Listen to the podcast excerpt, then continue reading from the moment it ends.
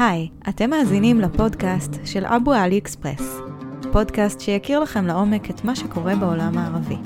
הפודקאסט מבוסס על תכניו של ערוץ הטלגרם אבו עלי אקספרס, וכאן נעמיק בנושא אחר בכל פרק, אקטואלי יותר או פחות, ובעיקר ננסה להבין את מאחורי הקלעים של כל מה שקורה סביבנו.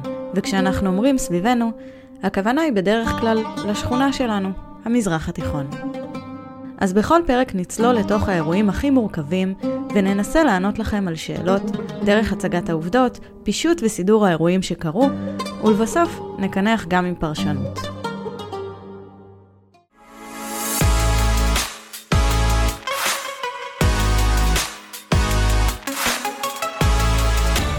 בפרק הראשון ננסה לענות על שאלת מיליארד הדולר.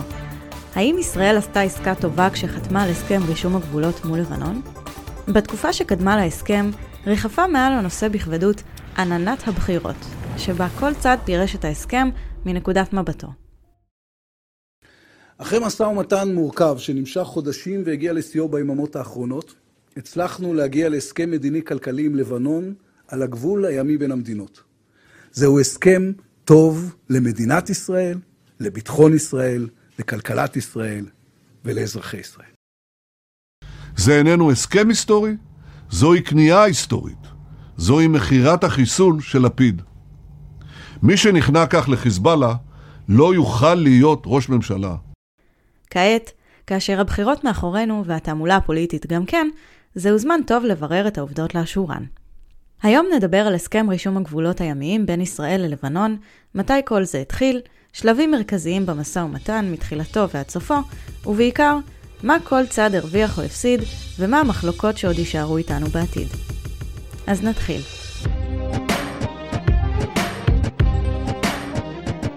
בסוף העשור הראשון של המאה הנוכחית, התגלו מאגרי גז בים התיכון מול חופי ישראל. אתם בוודאי מכירים שמות כמו תמר, לוויתן, תנין וכריש.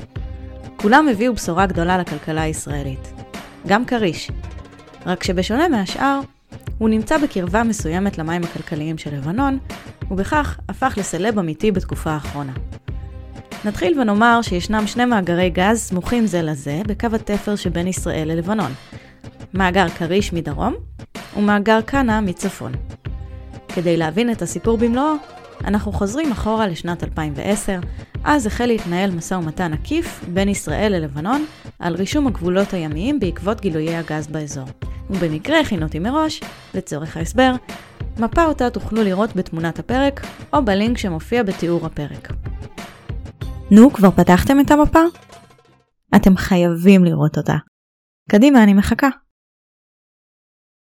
ובכן, אנחנו ב-2010, ואלו עמדות הצדדים. עמדת ישראל היא שהגבול צריך לעבור בקו הישר שבין נקודה מספר 1 וראש הנקרה, כך שבפועל הגבול חוצה את שדה קאנה ונמצא צפונה משדה כריש. עמדת לבנון היא שהגבול צריך לעבור בקו הישר שבין נקודה מספר 23 וראש הנקרה, ולמעשה לחצות גם הוא את שדה קאנה, אך בנקודה דרומית יותר. איך זה שאין קו אחיד מוסכם? צריך לזכור שאנחנו במשא ומתן, ובמשא ומתן כמו במשא ומתן, כל צד מנכס לעצמו שטח על פי פרשנותו, לצורך עמדת מיקוח טובה יותר במשא ומתן. בעקבות הפערים, שטח המחלוקת שנוצר בין עמדות הצדדים היה 860 קילומטרים רבועים. נשמע הרבה? תלוי את מי שואלים. בכל אופן, החל המשא ומתן העקיף בין הצדדים בחסות האמריקאים, שהעלו ב-2012 הצעת פשרה בשם קו הוף, על שם פרד הוף, המתווך האמריקאי. פשרה זו מציעה חלוקה של 55% משטח המחלוקת ללבנון ו-45% מהשטח לישראל. לבנון דוחה את פשרת הוף, והמשא ומתן נמשך על אש קטנה, ללא התקדמות משמעותית. בשנים שחלפו לא קורה הרבה, והיה נראה שהמשא ומתן תקוע עקב חוסר הסכמה וחוסר נכונות הצדדים להתפשר.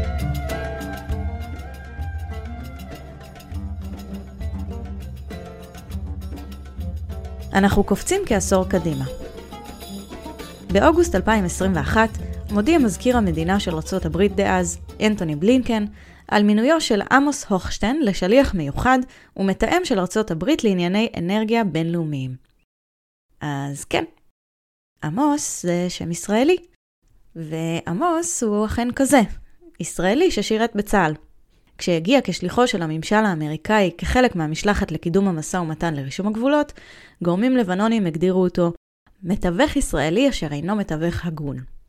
הגון או לא, הוכשטיין עשה הרבה בתקופתו וקידם את המשא ומתן באופן משמעותי, ואף הצליח להביא את הצדדים לחתימה על ההסכם.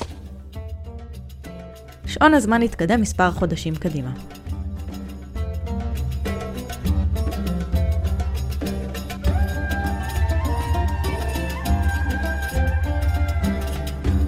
הלבנונים שולחים בפברואר האחרון איגרת לאו"ם, ובה הם מציינים כי עמדתם השתנתה בכל הקשור לרישום הגבולות עם ישראל. מעתה, קו הגבול המגדיר את שטח המחלוקת אינו עוד קו 23 כפי שדרשו עד כה, אלא הקו שנמתח בנקודה 29 וראשה נקרא.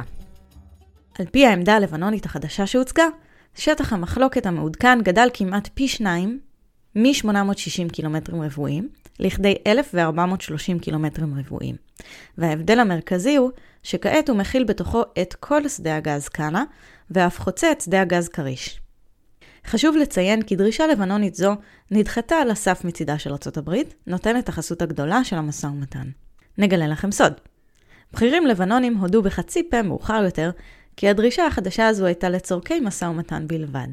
במילים אחרות, טריק של משא ומתן. דורשים יותר, במטרה לסגור על הדרישה המקורית, שהיא קו 23. בתחילת יוני השנה קורה דבר משמעותי נוסף. אסדת הגז כריש של חברת אנרג'יאן מגיעה לאזור, חוצה את קו 29, ומתמקמת בנקודה ממנה היא צפויה להפיק את הגז משדה כריש. למה זה חשוב? לבנון כאמור הגדירה מבחינתה את הקו החדש, 29, כקו המשא ומתן, וכריש כאמור נמצא בתוכו.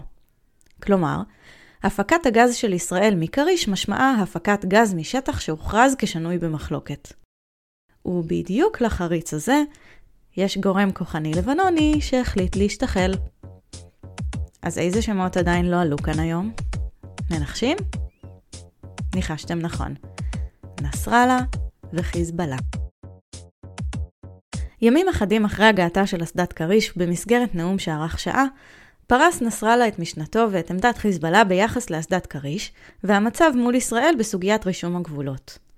נסראללה הדגיש כי הסמכות וההחלטה בעניין ההגעה להסכם ואיזה נקודה היא הקובעת, נתונה בידי ממשלת לבנון, אך חיזבאללה וההתנגדות יחזקו את איש המשא ומתן הלבנוני. الهدف المباشر يجب ان يكون منع العدو من استخراج النفط والغاز من حقل كاريش. שמעתם כריש? לא טעיתם. פחות חשוב מה הוא אמר, הטון ברור. בראשית יולי, כחודש לאחר הנאום, שיגר חיזבאללה ארבעה כטב"מים לעבר אסדת כריש. הכטב"מים אמנם יורטו על ידי ישראל, אך השיגו בדיוק את האפקט בו נסראללה היה מעוניין.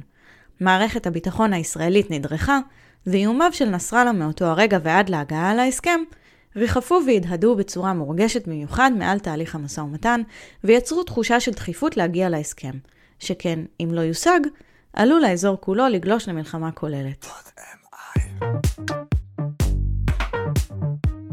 ואם איומי חיזבאללה לא הספיקו, אז היו עוד כמה זרזים להתקדמות במשא ומתן. כהונתו של נשיא לבנון מישל און, התומך בהגעה להסכם ומקובל על חיזבאללה, עמדה להסתיים ב-31 באוקטובר, והיה חשש שבהיעדרו, הצד הלבנוני לא יגיע להסכם. זרז נוסף היה תאריך הבחירות בישראל, ה-1 בנובמבר.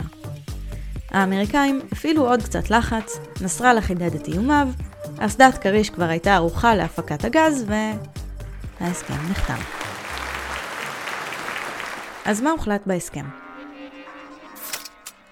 קו הגבול של המים הכלכליים יהיה מבוסס על קו 23, כלומר, קבלת הדרישה המקורית הלבנונית, עמדתם ההיסטורית במשא ומתן, במלואה. יתרה מכך, היות ושדה הגז כאן החורג דרומה משטח קו 23, יעשו תיקוני גבול, כך ששדה קאנה במלואו יהיה בשטח לבנון. בתמורה לחריגה מקו 23, תקבל ישראל פיצוי מחברת האנרגיה שמפיקה את הגז, ולא מממשלת לבנון. הפיצוי הוא מהחלק היחסי של ישראל בשדה כנא, הנמצא מצפון לשדה כריש, ולא מהשדה כולו. ונקודה אחרונה וחביבה, ואולי החשובה מכולן, לא התקבלה ההכרה בקו המצופים, קו גבול שהציבה ישראל בעבר באופן חד צדדי כגבול הבינלאומי. כלומר, ישראל לא השיגה את ההצהרה החשובה כי המחלוקת בנוגע לגבול הימי עם לבנון יושבה. מי שלא שכח להדגיש את זה, היה נסראללה, שציין בנאומו כי ישנו שטח ימי של 2.5 קילומטרים רבועים באזור ראש הנקרה, שעדיין לא שוחרר. ההסכם אגב נחתם בצורה עקיפה ולא באופן משותף בין לבנון לישראל, וזאת בכדי למנוע מראית עין של נורמליזציה. ועכשיו לקצת פרשנות. לבנון קיבלה את כל דרישותיה המקוריות ואף מעבר. ישראל לא קיבלה אף אחת מדרישותיה, למעט הפקת גז מאסדת כריש, ללא איום מיידי של פגיעה באסדה מצד חיזבאללה. ייתכן שבסיטואציות משא ומתן אחרת ובהתנהלות שונה בחודשים שקדמו להסכם, היה נכון לישראל לוותר על שטח המחלוקת המקורי ולקבל את העמדה הלבנונית. ההסכם כשלעצמו ואף ערכו הכלכלי הלא ידוע, כנראה לא היו Game Changer מבחינת הכלכלה הישראלית, והיה ניתן לשווק אותו בסיוע ארצות הברית ומדינות המערב כהישג בינלאומי שיכול להיות שער ליחסים חדשים באזור. אבל, וזה אבל גדול, במצב הנוכחי ובדרך שבה נחתם ההסכם, ישראל הצטיירה בלבנון ומחוצה לה כמי שנכנעה לאיומי חיזבאללה, וויתרה על מלוא דרישותיה בשל כמה נאומים של נסראללה וארבעה כטב"מים שיורטו. חיזבאללה מן העבר השני חיזק את תדמיתו כמגן לבנון, והציג הוכחה נוספת לכך שהחזקת נשק בידי חיזבאללה מעבר לנשקו של הצבא הלבנוני, היא בעלת ערך מוסף ללבנון, שמביא עבורה הישגים של ממש, גם בעיתות שגרה.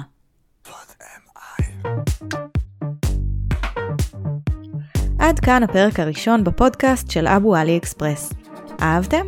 תעשו פולו, דרגו בחמישה כוכבים, ושתפו חבר שחייב לשמוע את זה. נתראה בפרק הבא.